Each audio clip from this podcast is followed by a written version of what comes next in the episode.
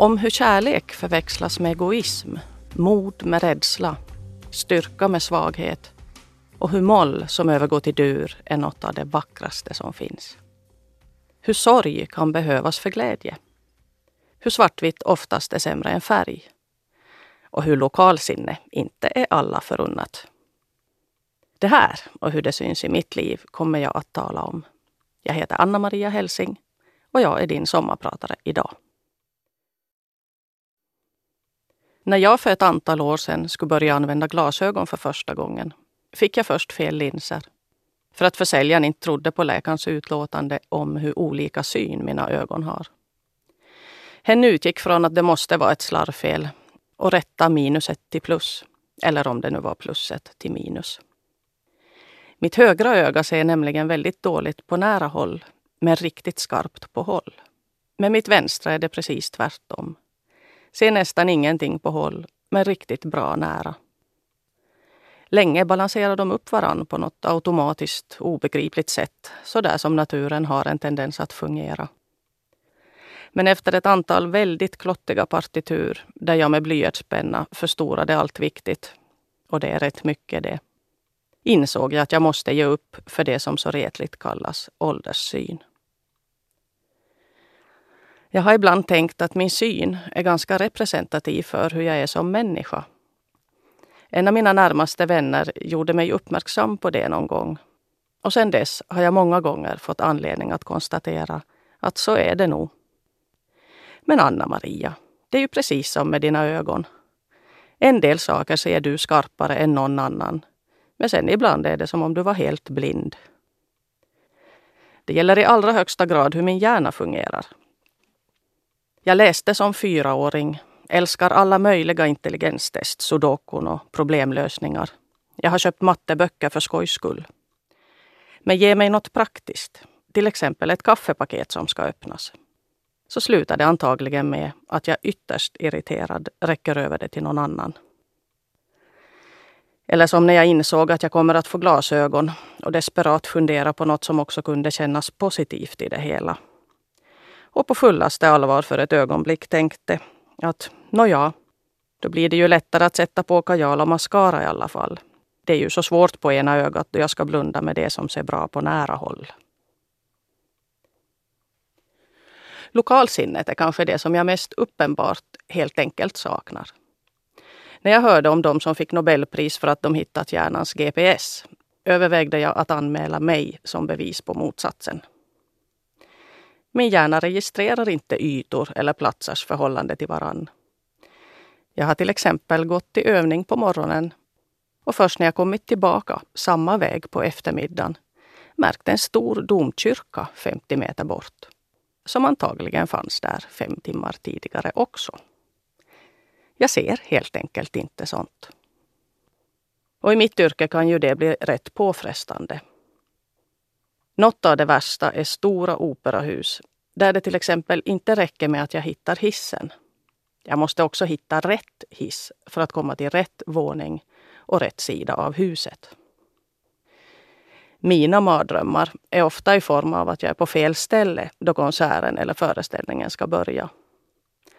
Känslan av att hur ska jag hinna dit och dessutom hitta dit känns ofta mer än verklig. Riktigt förlorad är jag också i alla byggnader som har fler än en ingång. Varuhus eller konserthus. Eller det hemskaste av det hemska. Inbyggda kvarter med alla möjliga sorters funktioner och ingångar. Till exempel när jag är på jobb i Trondheim behöver jag inte gå ut på hela veckan om jag inte vill.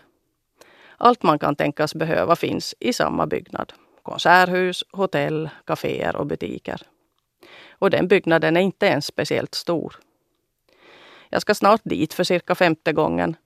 Men jag minns fortfarande inte när jag kommer ut ur orkesterns faciliteter om hotellet är på andra sidan till vänster eller till höger. Jag tycker att den som uppfann skyltar borde få Nobelpris. Men det behöver inte vara stora byggnader heller. Jag har funnit mig själv i situationer där jag på restaurang i källarplan gå på toaletten på samma plan. För att sen gå ut åt fel håll.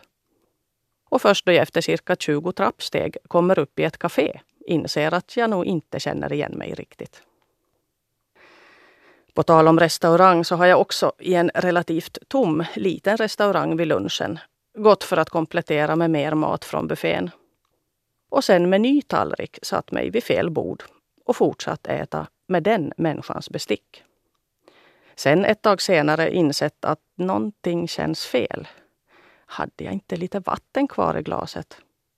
Och först då noterat min jacka vid bordet bredvid. Och vi pratar alltså här om en människa som i vanliga fall, åtminstone på jobbet, borde vara kapabel att hålla reda på en hundramannaorkester och ha koll på vem som gör vad, hur och när. Du har säkert vid det här laget räknat ut att jag är dirigent. Jag heter Anna-Maria Helsing och jag är din sommarpratare idag. Och jag har någonting gemensamt med Sofia Karlsson som vi ska lyssna på nu. Jag är alltså Anna-Maria Helsing, 44 år, född i Södertälje i Sverige med rikssvensk mamma och finlandssvensk pappa. Och jag är uppvuxen i byn Munsala i Österbotten. Jag och min syster Pia-Karin är nog de första i vår släkt med högskoleexamen. En släkt av arbetare och egenföretagare. Jag har studerat i Jakobstad, Bydgoszcz i Polen och i Helsingfors. Först till violinpedagog, sen diplomviolinist och till sist vid Sibeliusakademin till orkesterdirigent, eller kapellmästare som det heter. Jag minns när jag första gången såg ordet kapellmästare och tänkte att det vill jag aldrig bli. För jag trodde det betyder att man jobbar för kyrkan i något kapell. Lite som en av mina goda vänner som absolut inte ville börja spela oboe som barn. För hon trodde att det betydde att man måste åka till Åbo på spellektioner. Musiken har alltid betytt väldigt mycket för mig. Den har varit åtminstone en av mina ryggmärgar i livet. Den har alltid funnits där. Då jag inte riktigt vetat vart jag skulle ta vägen, till vem jag kunde vända mig och hur jag skulle gå vidare. Vid hjärtesorg eller bara allmänt tonårskänslokaos, i vilken ålder som helst. Då satte jag mig vid pianot och spelade. Spelade, spelade och spelade. Mängder med musik som jag bara plöjde igenom. Beethovens pianosonater, Brahms klavirstycke, Chopins preluder och etyder, Schumann, Rachmaninov, Mozart, mera Beethoven och ännu mera Brahms. Satser ur symfonier eller konserter. Pianokonserter. Ibland solostämman, ibland orkestersatsen i något extra vackert för eller mellanspel. Ibland blev jag så irriterad på hur länge det tog för mig att spela alla orkesterstämmorna samtidigt. Att jag med notpapper och blyertspenna själv skrev ett pianoutdrag på orkestersatsen. För att sen kunna spela det som det skulle vara, i rätt tempo. Andra gånger bara improviserade jag. Vad som än råkade komma ur huvudet i fingrarna. Någonting skulle ut. Jag visste inte själv vad. Men efter en kortare eller längre stund vid pianot kändes det faktiskt alltid bättre. Och så orkade jag ett tag igen. Musiken var mitt andningshål, min utväg och min ingång. I tonsättarnas underbara toner kände jag igen någonting, visste att jag inte var ensam här i världen. Och om de levde eller var döda spelade aldrig någon roll. Uppväxten var på många sätt glad och lycklig. Idyllisk och trygg i ett litet Munsala där alla kände alla och vi kunde cykla till havet om somrarna. Det var en tid och antagligen en familj där det inte tjafsades nämnvärt. Vi cyklade eller skida till och från skolan längs landsvägsrenen för att det inte fanns någon cykelväg än. För det mesta körde mamma mig och min lilla syster till spellektionerna i Nygabi eller Jakobstad. Vilket slit och vilka otaliga timmar hon satt på att köra oss. Sen hände det förstås ibland att ingen kunde köra mig och ibland liftade jag då till eller från spellektionerna. För som pappa sa, det är fullt med bilar som kör Järimillan hela tiden. Vi ska ut i stan allihop. Där stod jag sen med en fjollåda i handen och en skolväska på ryggen och fick lift med en den ena, en den andra bysbon. Det mesta jag ville ha köpte jag för egna pengar. Jag minns när jag köpte mitt monopolspel, min första LP-skiva och min första cykel för egna pengar. Det fortsatte upp i åldrarna och när jag för att vara tonåring tjänade rätt bra på mina folkmusikspelningar med pappa så köpte jag alltid mina egna fioler, stråkar, strängar och noter. Ibland var jag tvungen att låna av mamma och pappa men jag betalade alltid tillbaka så snart det gick. Från det att jag var ett och ett halvt, ungefär hela lågstadietiden, så hyrde vi och bodde i Langs gård. Ett härligt ställe som idag fungerar som hembygdsgård. En fantastisk tomt och ett stort gammalt dragigt hus som hölls varmt med endast en vedspis i köket och öppen spis i vardagsrummet. Om vintrarna blev det så kallt att vi alla flyttade in sängarna till vardagsrummet och sov där. Halva huset stängde vi av och någon dusch eller varmt vatten i kranarna var det inte tal om. Och bra gick det ändå. Det var ett fint liv med otroligt många härliga minnen. Ett starkt minne är när vi skulle lägga oss i de kalla sängarna om vinterkvällarna. Mamma eller pappa höll upp täcket runt öppningen på spisen tills det av brasans värme blev alldeles hett.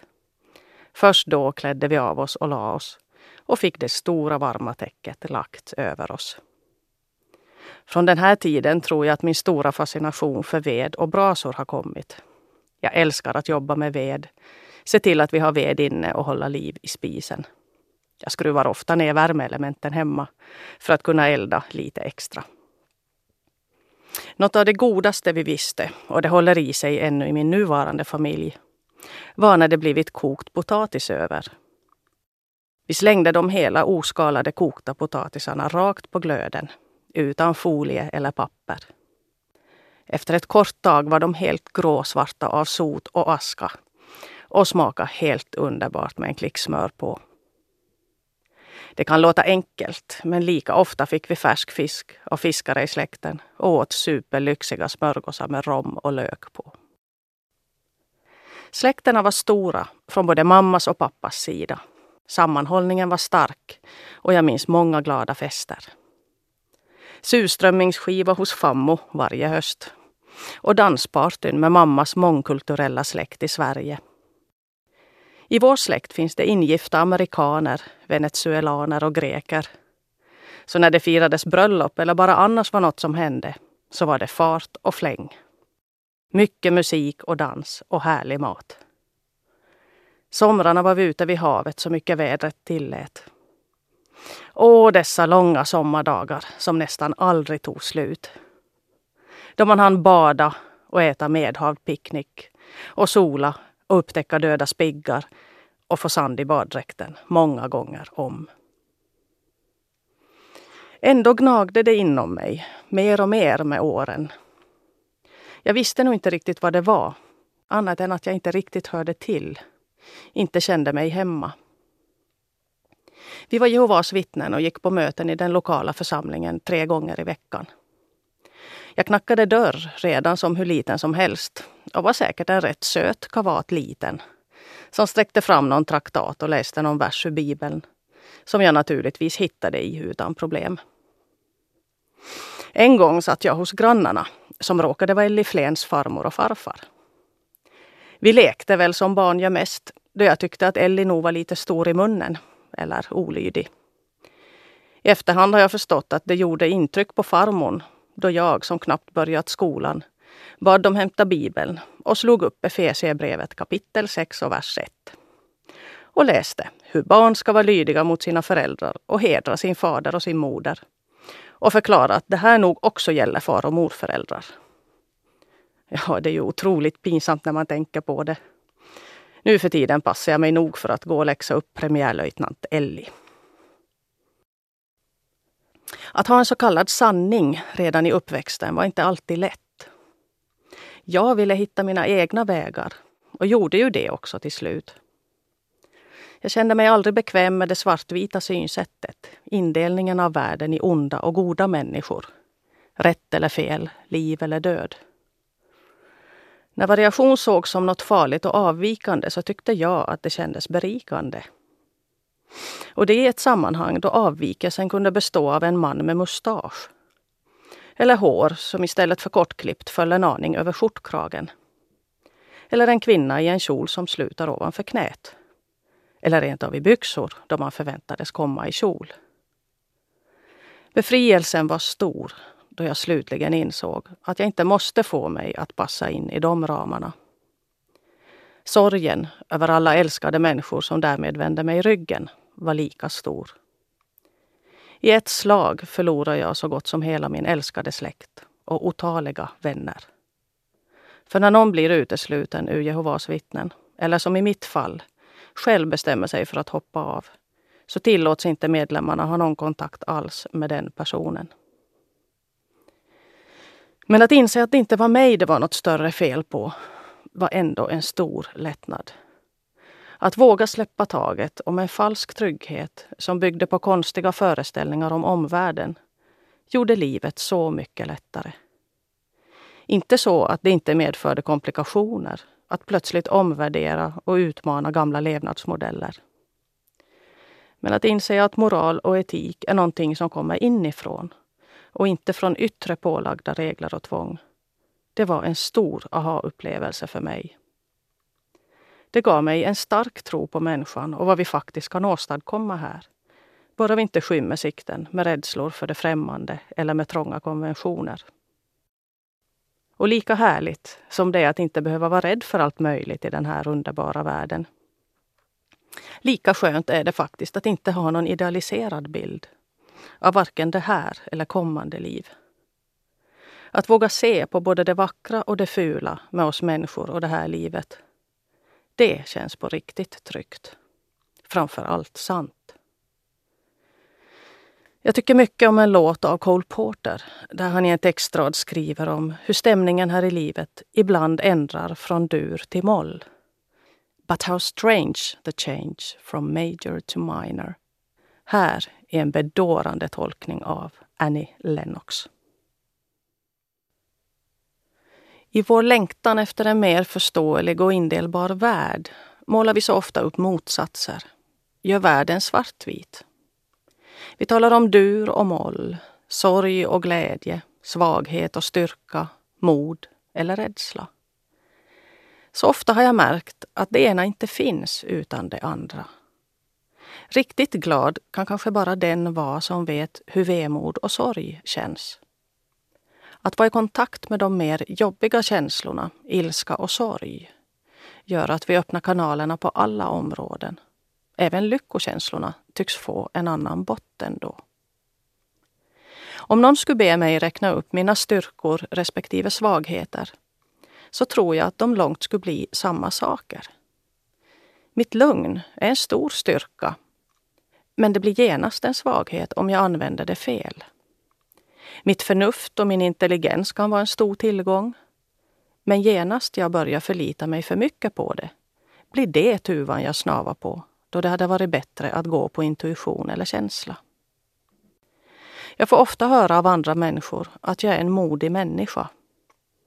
Det känns helt overkligt att applicera ett så starkt ord på lilla mig som varit så oerhört rädd så länge och så många gånger. Jag kan bara säga att det modet lät då verkligen vänta på sig. Först när jag velat hit och dit, velat och velat, faktiskt i ordets båda bemärkelser, och varit rädd så länge att det inte längre fanns något annat alternativ. Då kom modet, långsamt och fegt framkrypande. Modet att göra den där förändringen som jag egentligen inte vågar göra. Men som jag visste och kände att jag nu bara måste göra. Vid varje lite svårare vägkorsning har jag väntat så länge att det till sist bara funnits en enda utväg kvar. Är det mod? Eller är det rädsla? Sen å andra sidan, vad är det som gör att jag och många med mig ändå kommer till den där punkten? Att vi vågar sluta fega och gör det där hoppet ut i det okända. Vad är det som gör att vi inte längre accepterar ett förhållande som inte leder någon vart? Eller vad är det som gör att vi vågar kasta oss ut i ett nytt yrke eller nya studier fast det sätter vår vardag ur spel och inte ger några garantier? Det kan väl inte vara mod, för vi är ju rädda. Eller kanske det är just mod. För att vi är rädda. Det finns en så klok dikt av Johan Ludvig Runeberg där han beskriver hur sorgen och glädjen hade skilda kammare ända tills kärleken kom och gjorde så att de istället fick plats i samma rum. Jag tycker om den tanken. Att de inte är varandras motsatser utan kan umgås med varann som vänner. Sorg och glädje båda bodde i mitt hjärta. Sorg i ena kammaren, glädje i den andra. Oförsonligt skilda rådde än den ena, än den andra ensam. Sen den enda kom dit lär hon öppnat dörren och förenat båda. Ty min sorg är sällhet och min glädje vemod. Tredje satsen ur Brahms tredje symfoni, som vi redan tidigare hörde början av, har ett ställe som jag tycker speciellt mycket om då han efter att ha presenterat temat plötsligt, nästan helt utan att man märker det, övergår från moll till dur. Liksom glänta på dörren och som i dikten släpper in glädjen.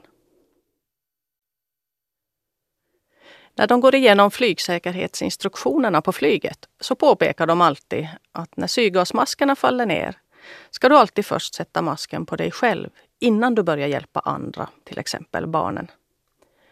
Det här kan tyckas vara ett egoistiskt, men jag tycker det är tillämpligt på väldigt mycket i livet. Vi pratar så nätt om att inte vara egoistiska, utan alltid tänka först på andra. Och ja, älska vår nästa. Inte som, utan självklart mycket mer än vi älskar oss själva. Men så länge jag fokuserar på vad andra tänkte och tyckte och vad jag trodde var bäst för andra, så blev jag en mycket ledsen Anna-Maria och var nog inte till mycket glädje för någon annan heller. Först när jag insåg att om någon ska ta hand om hur saker blir i mitt liv, så måste den någon vara jag och måste också vara i kontakt med mig själv och mina känslor. Då blev allt så mycket enklare och roligare att jag fick energi över till att vara en bättre medmänniska också. Ett visst mått av egoism blev alltså en förutsättning för sann omtanke om andra. Eller om vi så vill kalla det, kärlek. Ingen blev glad för att jag led av att inte vara mig själv. Vem vill till exempel vara tillsammans med någon som inte på riktigt vill vara kvar? Jag tror att vi ofta blandar ihop kärlek med egoism även åt andra hållet. Vi säger att vi älskar varann. Men vad händer om den ena börjar må dåligt eller är olycklig i förhållandet? Håller då faktiskt kärleken till att släppa den andra fri? Älskar vi så mycket att den andras lycka går före min egen önskan om att få ha människan kvar? Eller kommer egoismen fram och ställer krav? En gång på en resa berättade en man för mig om hur han hade sagt till sin dåvarande fru. Det ska du veta att lämnar du mig, då raderar jag ditt telefonnummer och då finns du inte längre för mig. Det låter i sig som en god orsak att lämna någon, tycker jag. Och nu plötsligt hör jag, vare sig jag tycker om det eller inte. Det där låter ju alltför välbekant från mitt eget liv. Men i det fallet helt omskrivet med religiösa förtecken. Kärleken, ja. Under en lång tid så tyckte jag det var ett besvärligt kapitel. Jag var bara full av en massa frågetecken och en stor längtan efter någonting som jag inte kunde sätta fingret på vad det var. Men så kom Anita in i mitt liv. Och som så ofta så blev det som i teorin kändes problematiskt i verkligheten bara rätt så enkelt och självklart. Mina frågeställningar om jag ville vara med en man eller med en kvinna, om jag var straight eller gay, blev plötsligt helt oväsentliga. Jag visste att jag ville vara med Anita och den vissheten räckte långt. Vi slog väl ner lite som en bomb här i byn. Bagan, konditorn, sömmerskan och mamman till två härliga barn. Med kvinnan, musikern, dirigenten. Jag har nog många gånger tänkt att det säkert är en och annan här i Esse som funderar vad en sån där dirigent egentligen sysslar med. Endera är jag borta på jobb i veckor eller så är jag plötsligt hemma hela dagarna. Lite som historien om gubbarna på macken som funderar över den sjukskrivna prästen. Hur kan en präst vara utbränd. En söndag i veckan är väl inget jobb som går att jämföra med riktiga jobb. En eller två konserter i veckan och inte alltid ens det. Det är nog ett konstigt jobb det. En gång då Anita och barnen just hämtat mig från flygfältet utbrast bonusdottern, då i sju åtta års åldern. Ha! Vi har nog en konstig en familj vi. Anita och jag utbytte blickar och tänkte, jaha, nu kommer det. Nu har någon i skolan sagt något om vad de tänker om att ha två mammor i ena familjen. Jaha, sa någon av oss, hur menar du då? Nå, då vi har ju en dirigent vi. Ja, konstigt kan man säkert kalla det. Men lika väl vill jag nog påstå att det är ett jobb. Konserterna, eller föreställningarna om det handlar om opera, är ju liksom prästens predikningar bara toppen på isberget. Och därunder finns alla övningar, planeringar och förberedelser. När det gäller mitt jobb så planeras det mesta något år innan själva konserten. Jag bokas upp ett eller två år i förväg. Vi funderar tillsammans med programråd och konstnärliga ledare på val av solist och program. Ofta är det otaliga mejl som går av och an innan alla är nöjda med slutresultatet. Sen jobbar jag med musiken på egen hand, ibland under flera månader före konserten. Ju svårare stycke, desto mer tid går det åt till att lära sig det. För det mesta läser jag partituret, noterna och funderar över tolkningsmöjligheter, fraseringar och balans mellan instrumenten. Ibland sätter jag mig vid pianot och tar ut svårare passager. Många är timmarna framför ett nytt partitur innan jag är beredd att ställa mig framför orkestern. Sen är det bara några dagar av övningar tillsammans med orkestern innan det är konsert. Det allra svåraste är nästan då allt går så in i varann. Att idag, en sommardag 2016, försöka fundera på vad jag vill göra för musik vintern 2017-2018. Samtidigt som jag håller på att öva in en repertoar med någon orkester och läser in en annan som jag ska dirigera senare i höst. Kanske är det lite som när prästen står på ett dop och just innan hållit på att skriva ett begravningstal. Hur känns det då, där på pulten, att dirigera en stor symfoniorkester? Känslan under en konsert är närmast spidad, väldigt komprimerad. En känsla av att tiden står stilla samtidigt som den rusar. För det känns som om man får tusen impulser per minut. Jag kan ju inte veta, men jag skulle tro att det går att jämföra med någon slags extremsport. Som ett Formel 1 eller störtlopp, bungee jump eller fallskärmshopp. För åskådaren verkar ett bungee jump, om än häftigt, såsom något relativt kort, över på några sekunder. Men för den som hoppar rusar säkert tusen saker genom huvudet under de sekunderna. Och före och efter. Störtloppet ser ut att gå raka vägen nerför backen. Inga krusiduller. Som att dirigera en konsert. Man sätter igång hela apparaten och sen spelar musikerna på. De har ju noter för 17. Och det är väl bara att spela från början till slut. Hur svårt kan det vara? Men precis som störtloppsåkaren parerar varje liten ojämnhet och ser till att komma rätt in i och ut ur de svårare hoppen så parerar dirigenten nonstop allt som händer på scenen. Under en fem sekunders sekvens kanske trumpeterna är lite för starka. Cellorna börjar släpa en liten, liten aning och riskerar att komma ur takt. Första fiolerna är plötsligt inte helt ihop och behöver en insats strax före pugorna. Samtidigt som tempot ska börja accelerera. Och då pratar jag bara om en helt vanlig orkestersituation. Vi har inte ens börjat krafsa på operans verklighet. Med orkestern i teaterdiket, kör och solistsångare på scen. Både agerandes med rekvisita och sjungandes utan till. Att man i den situationen lever intensivt är en grov underdrift.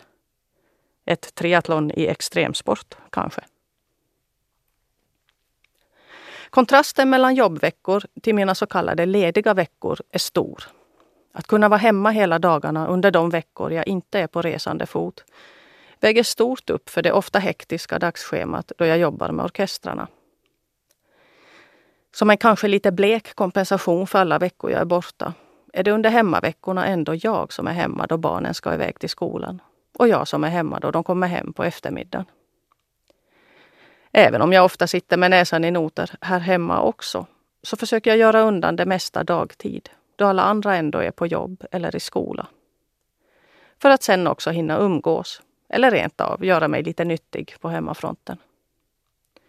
Förr, som singel i en etta i Helsingfors, hade jag ibland svårt att varva ner mellan två jobb. Kom jag hem på fredag och skulle iväg på söndag kväll, så gick hela helgen i arbetets tecken. Nu räcker det med en fredagsbastu med familjen, så känns det som att jag fått en minisemester och tvättat av mig hela jobbveckan. Jag jobbar antagligen både lördag och söndag nu också, men jag försöker göra det mer effektivt under en viss del av dygnet så att jag också hinner med annat. Träffa vänner och laga mat och spela pidro. Eller bara köra ett traditionellt lördagsmys. Sommarstället i Öja är en kär plats där jag vill hinna tillbringa så mycket tid som möjligt under somrarna. Ibland tar jag jobbet med och ibland inte, för att faktiskt bara hinna vara. Fälla träd, hugga ved, bränna ris, fiska eller bada bastu och simma i havet. Havet har alltid varit viktigt för mig. Jag minns en gång i en gungstol i en sommarstuga i Växala hur jag med partituret till Mendelssohns Hebriderna i knät och till ackompanjemang av lokal fågelsång tyckte att stycket kom till liv på ett sätt jag aldrig erfarit tidigare. Ibland tänker jag att det gör oss gott i vår hektiska värld att stanna upp och lugna ner oss lite inför de mästerverk som skrevs i en helt annan tid än vår. Hur kommer vi in i Mendelssohns tonspråk med tunnelbanedunk och flygplatsjäkt i bakgrunden? Klart att det också går, men han skulle nog inte känna igen sig i vårt sätt att leva. Efter ett uppehåll på cirka tio år så började jag för två somrar sedan öva fiol igen. Jag blev helt salig bara av att stämma den. Salig som i riktigt lycksalig. Fysiskt bubblande glad. Det kändes som att det var mig jag stämde, inte bara fiolens strängar. Jag hittade tillbaka till den glädje som ursprungligen fick mig att genom åren lägga alla dessa otaliga övningstimmar på fiolen. Glädje men också någon slags terapeutisk effekt av att upprepa rätt monotona rörelser och samtidigt skapa så vackra klanger som bara någonsin möjligt. Om så bara en riktigt vacker ton så är det belöning för alla timmar av frustration som det ju också onekligen handlar om. Jag tänker att alla människor borde stämma sig med jämna mellanrum ha en livets stämgaffel som anger en någorlunda objektiv stämton som man som enskild individ i det här samhället behöver tuna in på.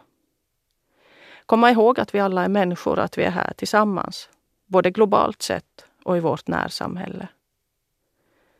Påminna oss om att kärnan är densamma oavsett hur olika livet tar oss och sen också ta hand om våra egna strängars stämning i förhållande till stämma Känna efter hur man riktigt har det här och nu. Stämma av med sig själv, liksom. Ta tag i det där som irriterar i vardagen. Eller tänka till över de större livsidealen. Justera sig. Uppdatera sig. Hinna med sig själv och kanske höja eller sänka något som kommit ordentligt i gungning eller kanske bara släppt en aning. Om det är någonting som jag lärt mig hittills i livet så är det att jag aldrig kommer fram. Jag kan komma fram till olika saker, åsikter och tankar. Men fram kommer jag inte. Nog framåt förhoppningsvis. Och lär mig hela tiden att gilla resan. Men jag fortsätter ompröva, omvärdera och lära mig mer. Jag vill avsluta med den undersköna sången av Richard Strauss, Morgen, Imorgon. Här sjungen av vår härliga Soile Isokoski. Om hur solen imorgon kommer att skina igen och om hur lyckans dämpade tystnad kommer att sänka sig över oss. Jag heter Anna Maria Helsing och det är jag som har sommarpratat idag.